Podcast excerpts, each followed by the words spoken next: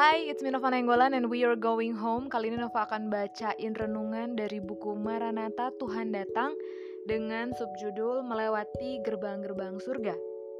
Ayatnya dalam Ibrani 11 ayat 5. Karena iman, Henok terangkat supaya ia tidak mengalami kematian.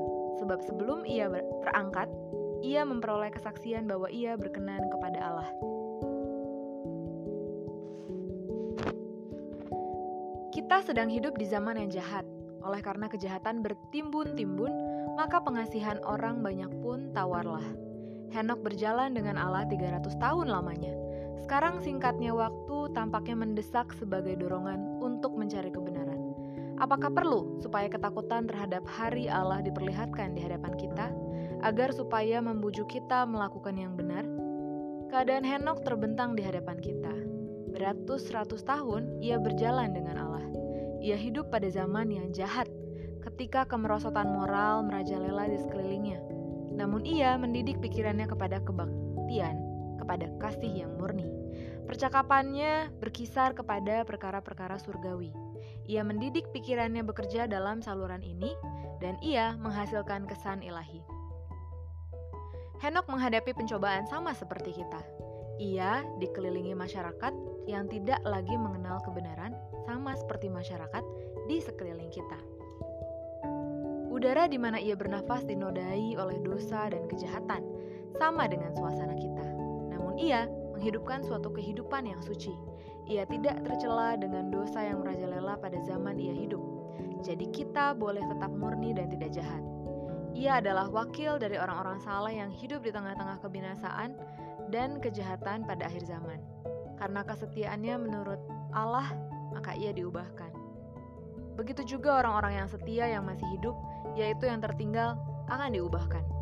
Berbahagialah orang yang suci hatinya karena mereka akan melihat Allah. Selama 300 tahun, Henok telah mencari kesucian hati supaya ia selaras dengan surga. Tiga abad lamanya ia telah berjalan dengan Allah. Dari hari ke sehari, ia mendambakan persatuan yang lebih erat. Semakin lama, semakin dekat hubungan itu bertumbuh, sampai Allah mengambilnya datang kepadanya. Ia telah berdiri di ambang pintu dunia yang kekal. Jarak antara dia dan tanah yang diberkati hanya satu langkah.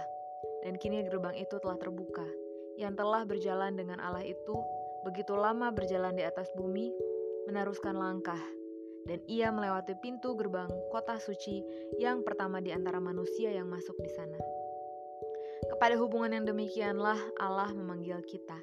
Sebagaimana Henok, begitulah seharusnya kesucian tabiat mereka yang akan ditebus dari antara manusia pada kedatangan Tuhan yang kedua kali. Bacaan ini sungguh indah. Ada seseorang yang hidup di zaman yang sebenarnya orang-orang itu jauh dari Tuhan tetapi dia tetap teguh selama 300 tahun lebih. Dia hidup berjalan bersama Tuhan walaupun dia ada di dunia dia melakukan peraturan-peraturan Tuhan di antara peraturan-peraturan dunia. Dia hidup dengan penuh pencobaan, tetapi dia tidak jatuh ke dalam pencobaan. Semoga semua yang mendengar Nova kali ini dan juga termasuk Nova sendiri bisa termotivasi untuk bisa hidup lebih suci, lebih baik di hadapan Tuhan karena kita tidak sendiri. Sudah pernah ada orang yang melewati hal yang sama dan berhasil.